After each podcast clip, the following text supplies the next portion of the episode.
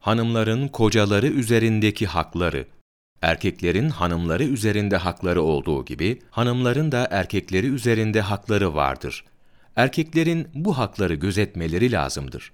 Hanımıyla güzel huylu, güler yüzlü olmalıdır. Allahu Teala onlarla iyi hayat sürün buyuruyor. Nisa suresi 19. ayet. Keşşaf ve Beyan tefsirinde diyor ki, Resulullah sallallahu aleyhi ve sellem Ebu Bekri Sıddık'a radıyallahu an Ey Eba Bekir! Erkek hanımının yüzüne güler yüzle bakarsa defterine bir köle azat etmiş sevabı yazılır. Tebessüm ederse hac ve umre sevabı yazılır.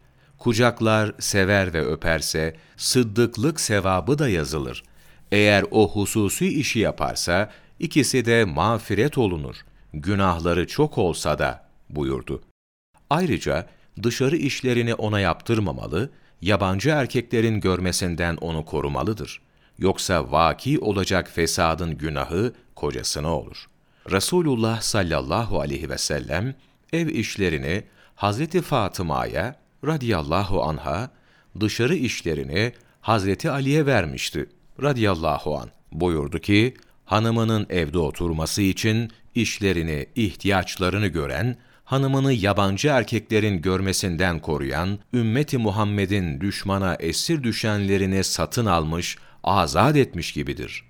Şeriatın ilim ve edeplerini ona öğretmeli, onun bilmesi ve yapması gereken farzları, vacipleri, namaz, oruç ve diğerlerini öğretmelidir. Resulullah sallallahu aleyhi ve sellem buyurdu ki, kıyamette en şiddetli azap, hanımını cahil bırakıp ona din bilgilerini öğretmeyenedir. Diğer bir hadisi şerifte, sizden her biriniz çoban gibidir ve her biriniz emriniz altındakilerden sorumlusunuz buyuruldu. Hanımına helal yedirmeli, helal elbise giydirmelidir. Resulullah, haramdan hasıl olan ete ateş daha uygundur buyurdu.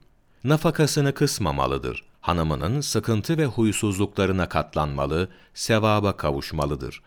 Enes bin Malik'in radıyallahu an rivayetiyle bildirilen hadisi şerifte hanımını haksız olarak dövenin ben ki Muhammed'im kıyamette hasmı ben olurum. Hanımını dövme. Hanımını döven Allahu Teala'ya ve Resulüne asi olur buyuruldu. Muhammed Rebhami Riyadun Nasihin sayfa 300 3 Aralık Mevlana takvimi